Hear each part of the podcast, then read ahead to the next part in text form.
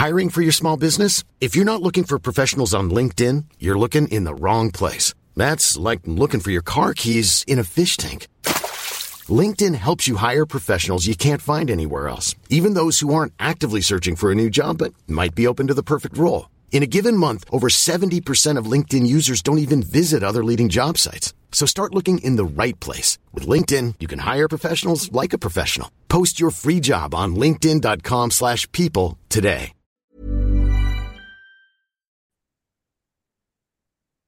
Halo pendengar GGM Podcast, baik lagi bersama kita berdua dan tag ini dilakukan selepas dari pertandingan City melawan MU di mana kita harus bilang kekalahan dan waktunya untuk MU melakukan bersih-bersih alias bebenah untuk musim depan.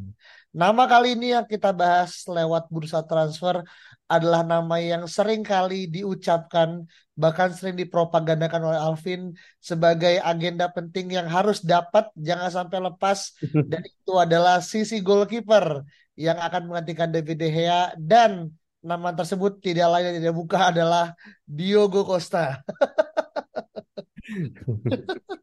ini ini memang ini sebenarnya spesial podcast ya Alvin tribut buat Diogo Costa sebenarnya gitu aja gitu. Oh, iya.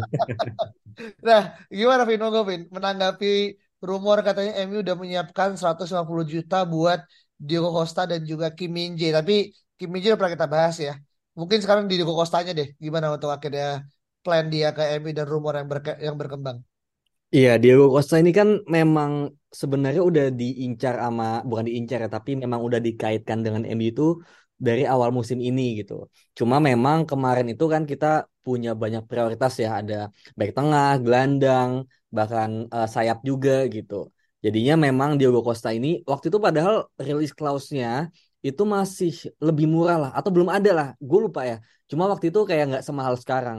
Cuma tiba-tiba dia somehow perpanjang kontrak dan release clause-nya adalah 65 juta pound atau 75 juta euro dan itu jadi mahal banget somehow gitu.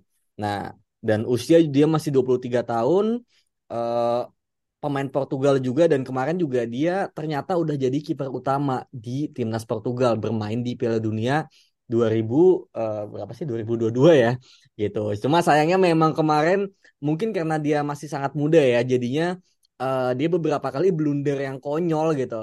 Yang dia apa mau nangkep bolanya Enesri tapi nggak dapet. Kemudian pas lawan Ghana juga dia nggak sadar belakangnya dia ada pemain gitu dan bolanya dia biarin begitu aja. Cuma untungnya nggak gol gitu. Jadi cuma itu bukanlah sebuah hal yang apa ya kayak hal yang terjadi berulang-ulang kan itu hanya memang konsentrasi dan juga pengalaman dan pressure di ajang terbesar di dunia gitu yaitu Piala Dunia. Cuma melihat permainannya memang ternyata ya kalau lihat di YouTube deh gitu lu buka aja itu passingnya, commandingnya, saving penaltinya, kemudian cara dia bisa sweeping juga ya maju ke depan untuk membuang bola itu benar-benar menunjukkan bahwa dia adalah kiper modern yang pastinya itu akan diincar oleh banyak klub dan sekarang menurut gua ya MU harus dapetin sekarang atau nggak sama sekali. Oke, jadi ada termin it's now or never ya tentang bagaimana MU bisa capturing Diogo Costa pada bursa transfer musim panas 2023 dan per kita tag hari ini itu ada kabar kalau uh, Sheer uh, Jassim melakukan bid kelima ya atau last bid di angka 6,5 uh, billion pounds ya kalau nggak salah gitu berdasarkan dari Fabrizio di mana kalau itu benar dan di ACC sama uh, Glazer maka kedatangan Costa tinggal menunggu waktu mungkin ya karena kan secara finansial pasti akan di backup gitu. Tapi kalau kita ngomongin Costa sendiri, ini gue mengutip ya pada beberapa sumber di mana dia pernah ditanya terkait dengan rumor kepindahan dia ke MU, tapi ternyata jawaban dia ya quote unquote inilah ya gimmick marketing lah gitu. Dia bilang kalau dia ingin masih bertahan lama di Spanyol, eh di sorry di Portugal karena dia ya enjoy dengan atmosfer segala macam. Nah, lu ngerasa ini adalah jawaban aman yang Costa bisa sampaikan atau emang dia masih pengen membuktikan diri sebagai kiper nomor wahid untuk dia akan pindah ke dalam kasta lebih tinggi di usia-usia yang mungkin lebih matang gitu di usia 25 dan kita tahu kan kiper juga masanya panjang ya saya usia 40 bahkan. Nah, ngerti gimana, Vin?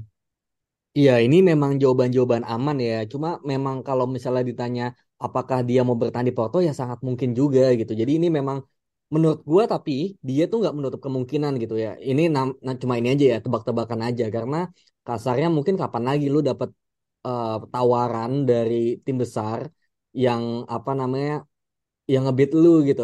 Dan lu lagi bagus-bagusnya juga, harga lu juga lagi tinggi gitu. Jadi kayak kayak ya why not sekarang aja lu ambil tawaran tersebut gitu. Cuma kalau misalnya ternyata dia mau bertahan ya sangat mungkin juga. Dan gue melihatnya ini sebagai kemungkinan yang 50-50. Dan kalau memang pada akhirnya MU atau tim besar lainnya membuat sebuah tawaran yang menurut gue sih nggak akan ditolak ya. Tinggal apakah memang tim-tim tersebut termasuk MU itu mau untuk ya menebus release clause-nya yang sebesar tadi ya 75 juta euro itu yang yang menurut gue sangat mahal ya. Karena kiper termahal sekarang kan kalau nggak salah si Kepa ya. Gue lupa Iya, 80 kayaknya. Harganya tuh sekitar 75-an juga lah gitu. Dan dia bagus gitu. Dan sampai sekarang juga masih bagus. Cuma memang ya investment itu gitu. Apakah kita punya dana segitu besarnya? Dan sebetulnya ini mungkin bisa kita bahas di episode lain ya. Kalau misalnya gue juga menghitung-hitung siapa yang mau kita beli dengan em, apa ya, kabar terkini ya.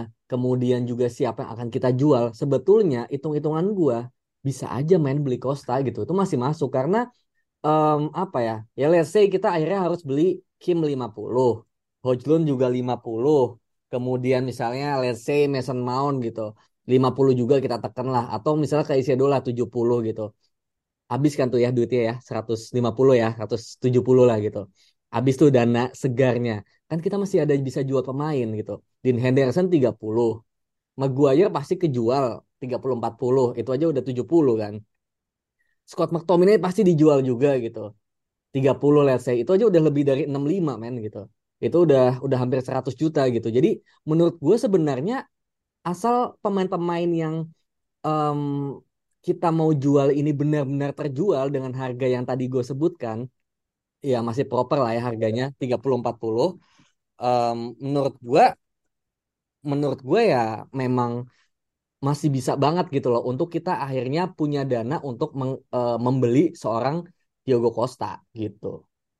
oke. Jadi kalau hitungan gutak-gutiknya Alvin ya, dengan skenario yang terbaik sebenarnya kedatangan Costa, Kim Min Jae, eh, midfield dan juga striker di sini adalah Hojlund masih adalah suasana yang memungkinkan ya Vin ya. Selama emang ya MU bergerak cepat gitu kan. Dan kita kan tahu ya bagaimana MU itu sangat-sangat relate ketika udah masuk ke bursa transfer gitu kan. Yang mana harapannya di bursa musim ini lebih cepat karena gue yakin juga Ten Hag pengen mempersiapkan season kedua ini juga jauh lebih matang ya.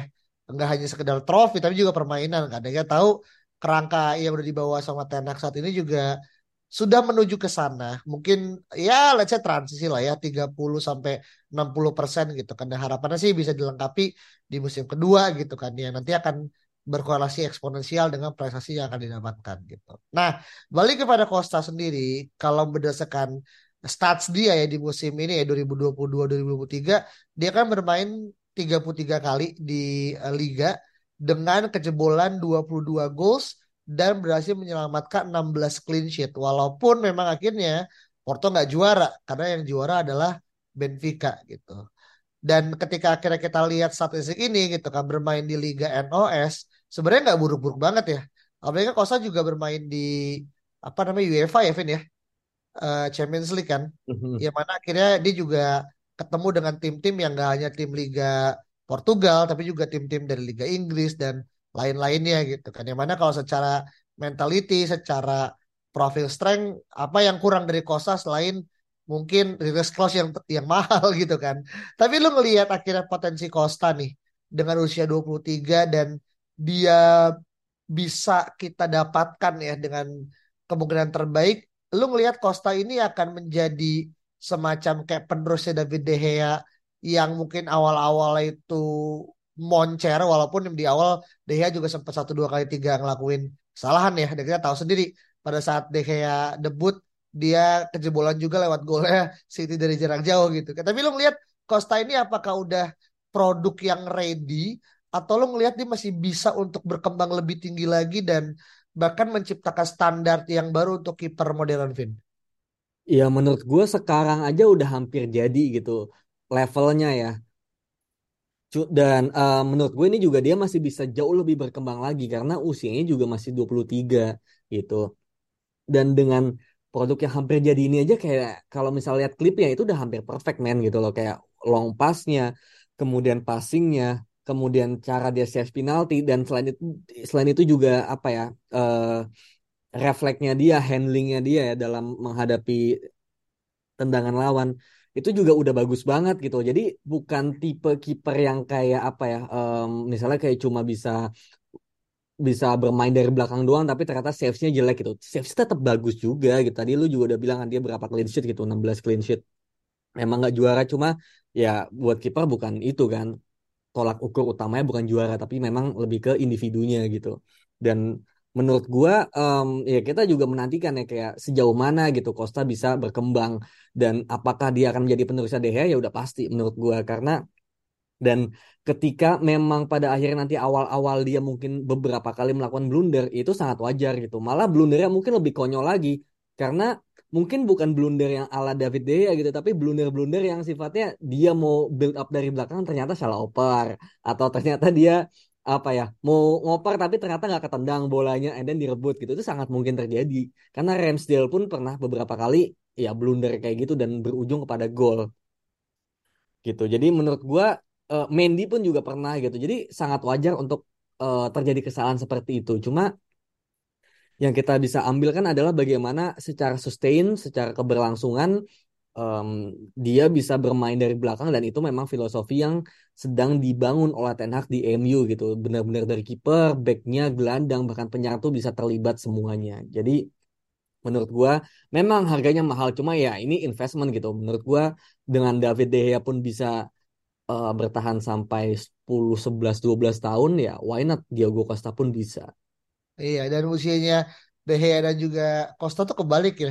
De Gea 32, Costa 23.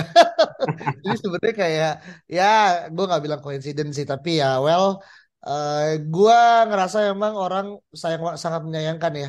De Gea harus misalkan harus meninggalkan legasinya di usia yang mungkin masih cukup panjang ya secara kiper gitu kan. Karena kita kiper sebelum De pun Van der Sar pun pensiun di usia 40 kalau nggak salah ya.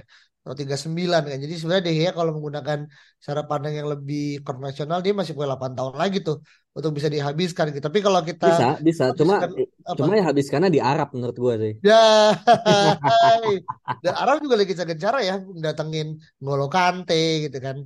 Ada Benzema bahkan Wilfried Zaha pun juga tawarin. Jadi kalaupun akhirnya kayak harus keluar sebagai korban karena De Costa dan Arab tertarik ya menurut gue sih why not ya. Karena juga gue nggak bilang akhirnya De Gea udah habis ya masanya ya. Tapi dia pun ketika bersaing dengan eh, kiper-kiper muda lain dari Spanyol juga kayak udah cukup lumayan kalah ya gitu karena udah ada David Raya dan segala macam gitu kan yang mana pasti ya untuk umur De mungkin being pragmatis ya Vin ya mencari pundi-pundi uang itu adalah hal yang mungkin bisa menjadi salah satu opsi gitu kan dan di Nah, Arab pilihannya kan pilihannya kan antara lu dipotong gaji di MU atau lu digaji kayak N'Golo Conte di Arab kan? iya dan Benzema Iya, N'Golo Conte aja menurut gue ya dia masih bisa lah bermain di level tertinggi gitu. Kalau Benzema mungkin ya udah meraih semuanya, udah bosan juga ya di Madrid gitu. Tapi N'Golo Conte masih bisa men gitu loh kayak dia di Chelsea baru aja mungkin ya sekarang Chelsea gelandangnya cuma ada Enzo doang yang bagus ya gitu. Mount mau keluar, Kovacic mau keluar, Loftus-Cheek juga mau keluar gitu. Ugarte nggak dapat gitu. Jadi Conte ini masih sangat mungkin untuk bermain. Tapi tiba-tiba ketika ditawarin duit Arab, ya dia tertarik juga gitu. Mungkin dia dijadiin ini juga kali ya pemuka agama juga kali ya di sana.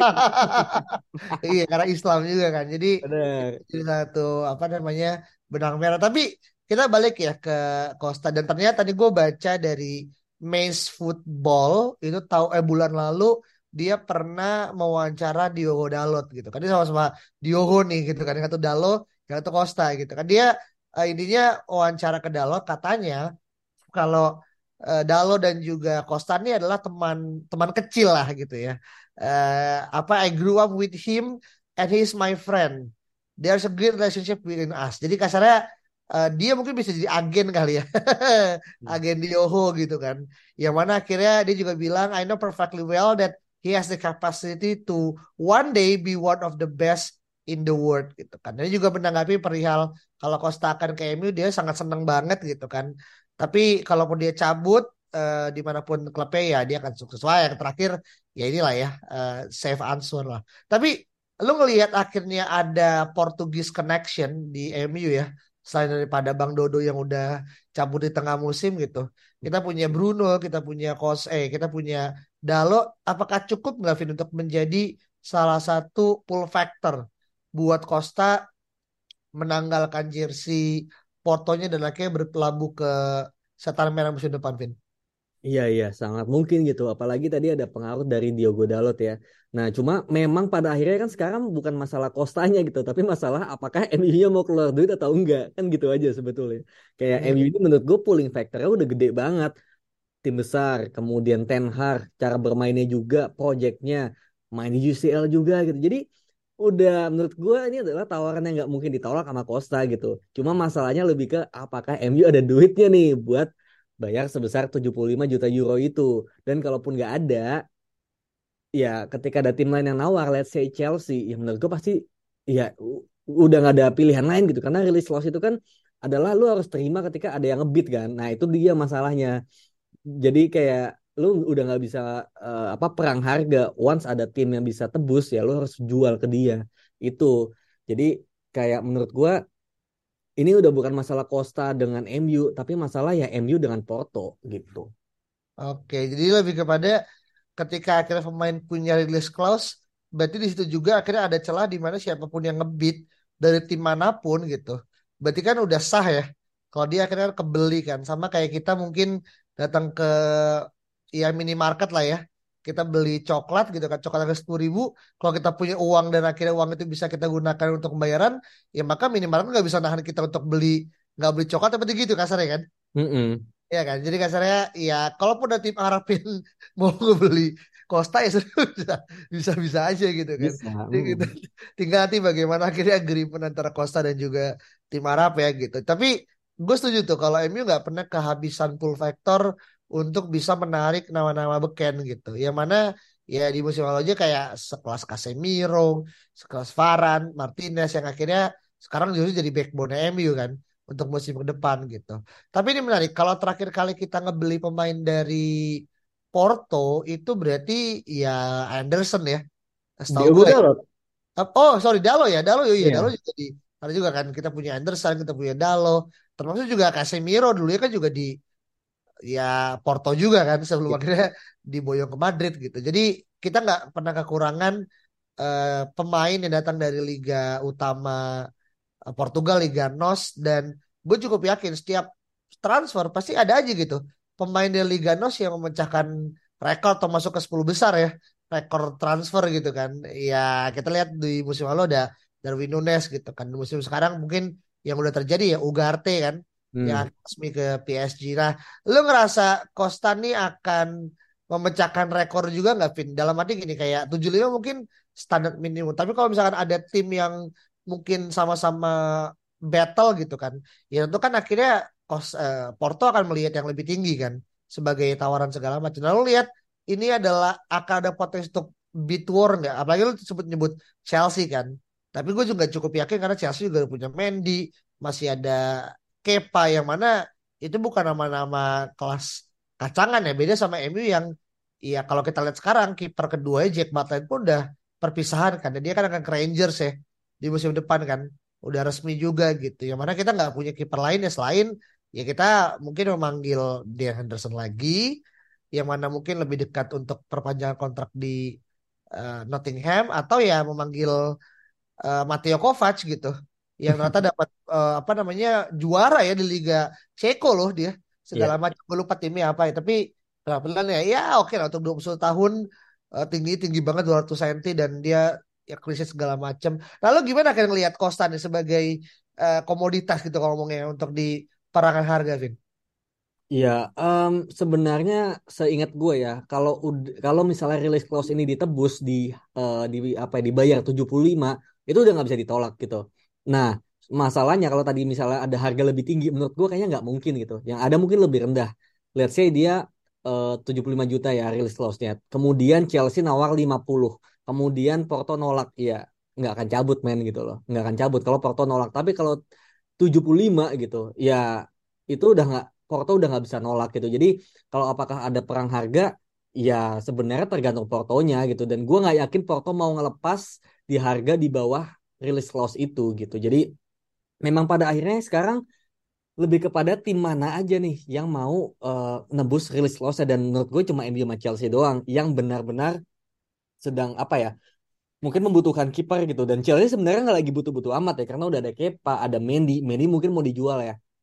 Cuma Kepa masih oke okay, gitu. Cuma um, ya mungkin butuh pesaing lah ya Kepa sama Costa. Meskipun dari segi usia ya oke okay lah Kepa mungkin udah 28 29 gitu. Mungkin mau ambil yang lebih bagus lagi. Cuma kalau tim lain udah no chance menurut gue mungkin Tottenham gitu. Cuma Tottenham ini kan ya nggak ada pulling factor sama sekali gitu. Jadi mungkin dia bakal ngambil kiper yang harganya lebih murah. Let's say kayak David Raya 30 atau 40 juta gitu. Jadi menurut gue kalau misalnya perang harga I don't think so.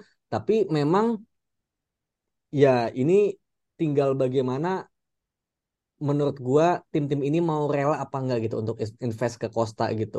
Yang mana yang tadi gue bilang ya, ya apa namanya ini now or never gitu. Kalau misalnya MU um, nggak ngambil Costa sekarang, ya menurut gua MU bakal pastinya beli kiper tapi bakal ke yang lebih murah, let's say David Raya harga 40 atau mungkin ya menyerah aja dengan situasi di mana akhirnya membeli Verbruggen yang harganya mungkin cuma 10 atau 15 juta. Kemudian uh, kalau Dean Henderson udah pasti dijual ya menurut gua. Uh, tadi maksudnya Kovar kali ya, Matej Kovar gitu. Matej ya. Kovar yeah. menurut gua udah ready lah untuk menjadi backup gitu dengan pengalamannya menjadi kiper utama di Liga Ceko gitu. Jadi bukan lagi kiper yang dipinjam-pinjamkan lagi dan kalau nggak salah dia juga udah usia 20-an ya gitu. Bukan yeah, kiper yang yang 21 kan 21 udah ready lah menurut gue bukan kiper yang harus dipinjam-pinjamin lagi gitu. Jadi kalau misalnya kita bisa lepas Tom Hinton, Butland juga udah, Dean Henderson juga gitu. Mungkin David De Gea juga dilepas. Kemudian kita uh, kipernya adalah Costa dan juga Kovar. Ya, itu keren banget sih menurut gue. Hmm, nice. Nah, ini ini ya apa namanya kita membicarakan kemungkinan terbaik walaupun mengusir atau kuat argot ya mendepak De Gea tuh adalah PR yang sangat besar gitu. Agak nggak mungkin sih emang. Dan pasti gue cukup yakin ya sebenci-bencinya kita sama De Gea pasti banyak fanbase fanbase MU di luar sana nggak cuma Indonesia ya yang akhirnya pun juga masih kuat angkot punya rasa empati gitu tentang apa yang sudah dilakukan sama De Gea selama 12 musim ke belakang gitu kan jadi kayak memang uh, ini satu satu sih dia legenda ya kita nggak bisa tutup mata ya dia adalah legenda hidupnya uh, eh, MU gitu kan pasca dari uh, pensiun Van der Sar tapi itu kan yang selalu digaung-gaungkan kalau ternyata sepak bola modern membutuhkan pemain yang modern dan tidak hanya pemain di luar dari goalkeeper tapi kiper doang. Yang akhirnya De kita tahu kan terbukti belum cukup handal lah ya untuk akhirnya bisa memainkan peran seperti apa yang di butuhkan sama tim-tim lain gitu kan. Dan kalau kita ngomong masalah Costa ini sebenarnya lucu dia itu sebenarnya lahir di Swiss ya. Tapi entah kenapa kayak dia bisa dapat kewarganegaraan uh, Portugal gitu kan. Tapi kalau pun akhirnya dia di Swiss ya paling kesayangannya sama uh, siapa namanya kipernya Jan Sommer. Jan Sommer gitu. ya padahal dia bener sih udah, udah Portugal tuh udah bener kayaknya iya, segala iya. macam gitu kan. Nah paling terakhir Vin masalah chanceability gitu kan kita selalu bertanya ini kepada uh, uh, dirimu terkait dengan berapa sih dia untuk bisa akhirnya uh, datang dan berlabuh ke pangkuan setan merah. Terlepas mungkin nanti kita akan mendengar ya dan kalaupun nanti akan ada fiksasi MU ini akan dijual ataupun tetap di pemilikannya Glazer kita akan ngebuat episode sendiri tapi so far dengan kondisi yang ada sekarang berapa yang akhirnya lu bisa tangkap kehadiran Costa di MU?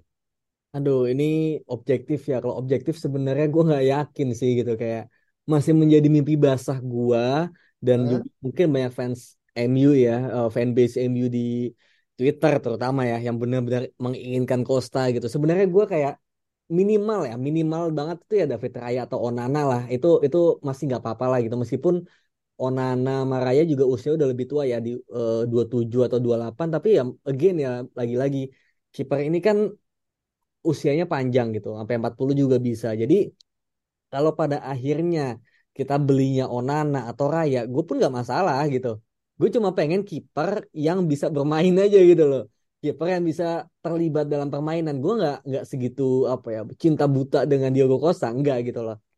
Gue cuma pengen kita punya kiper yang bisa build up, bisa terlibat dalam permainan, nggak cuma diem doang gitu, dan dia bisa commanding area juga gitu. Dan itu Raya Onana bisa gitu, karena Onana juga udah terbukti kan di Ajax dan juga Inter gitu. Jadinya kalau misalnya ternyata nggak visible nih, Costa 75 juta euro dan akhirnya beralih ke David Raya, gue nggak masalah gitu. Meskipun mungkin dari sisi apa ya skill ya, Raya ini mungkin kayak uh, sailingnya udah hampir mentok nih. Eh kayak emang dia segitu deh gitu.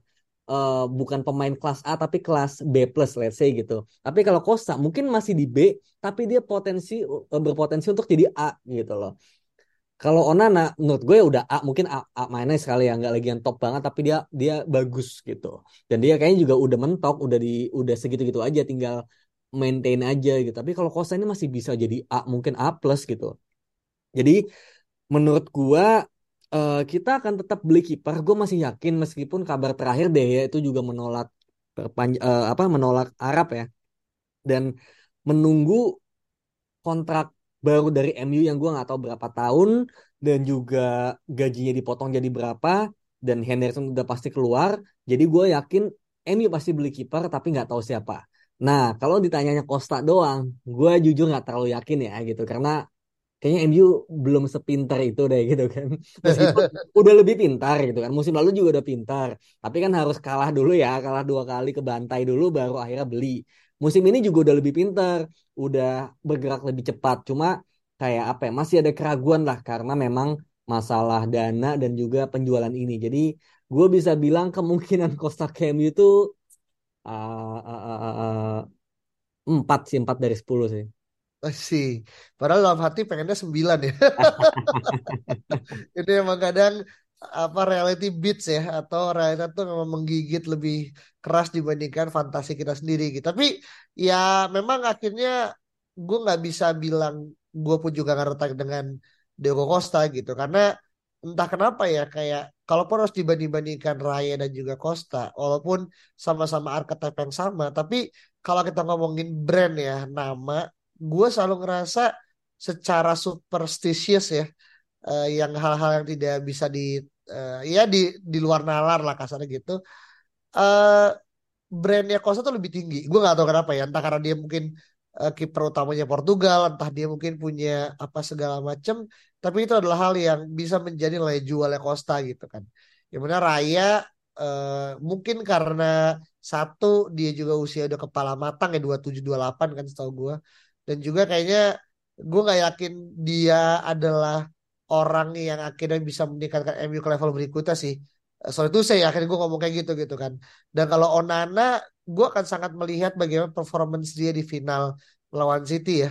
Karena gue cukup yakin yang main pasti Onana bukan siapa namanya satu Andanovic Andanovic gitu kan dan itu udah sering banget di match-match besar akhirnya Onana yang akhirnya bermain gitu dan kalau memang akhirnya bener Onana bisa ngelakuin save dan tiba-tiba Inter juara. Nah, itu baru tuh another level story yang kita bisa bahas dan pasti akan mempengaruhi perjalanan sepak bola. Ya by the way, uh, by the way kita udah pernah kan ya bahas yeah. Ya. uh, tersendiri kan khusus yeah. tentang Onana, khusus tentang David Raya gitu. Jadi memang Mas uh, bahkan Verbruggen aja kita juga udah pernah bahas yeah. sendiri kan gitu. Jadi memang kiper ini saking urgentnya ya menurut kita gitu sampai akhirnya kita udah ini episode keempat tentang kiper gitu loh dan tentang per pemainnya gitu. Jadi memang sepenting itu kiper.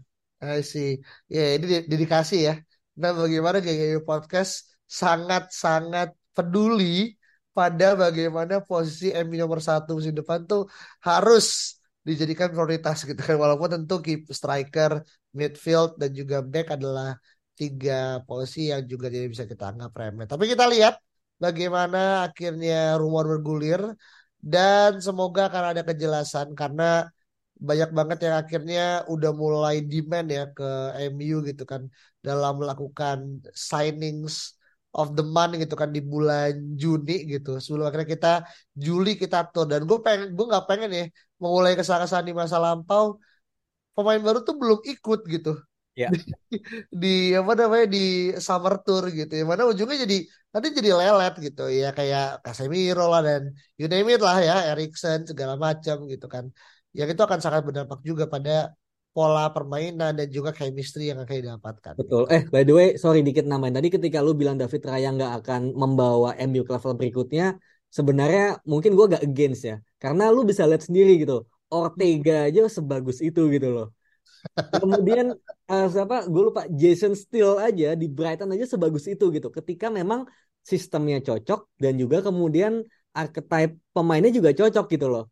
Ya Hmm. mungkin dia pernah kebantai ya sama Everton ya lima satu lima kosong gitu kan. Cuma ya secara permainan memang bagus banget. Kan pernah ada di Twitter perbandingannya kan antara Steele dan juga De Gea dan juga Steele dan juga Ortega gitu. Itu benar-benar kayak mereka memainkan peran yang sangat krusial dalam kemenangan mereka melawan MU gitu. Kemarin sendiri kan Ortega Iya. uh, umpan ke Holland kemudian bisa bikin gol gundogan, kemudian Steele juga waktu itu sama tiba-tiba jadi Manuel Neuer kan gitu. Selain daripada itu juga dia passing long passnya juga bagus banget gitu.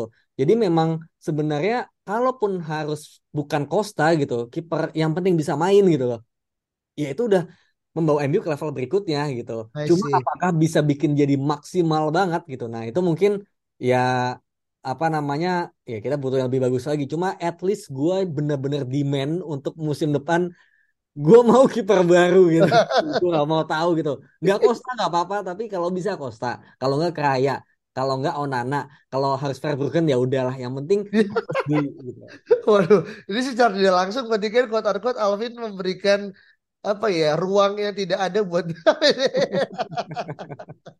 Nah, itu kan implikasi ya. Tapi gue pun tadi gue bilang, gue kan juga disclaimer. Gue ngomong itu karena supersti supersi superstitious gitu. Karena emang kadang ada beberapa nama pemain atau mungkin sepak pemain sepak bola yang kayaknya dia ini punya potensi untuk namanya besar dan gue selalu percaya itu ya pada Itu cuma nggak suka nama Raya doang ya kayak oh, nama Indo gitu ya.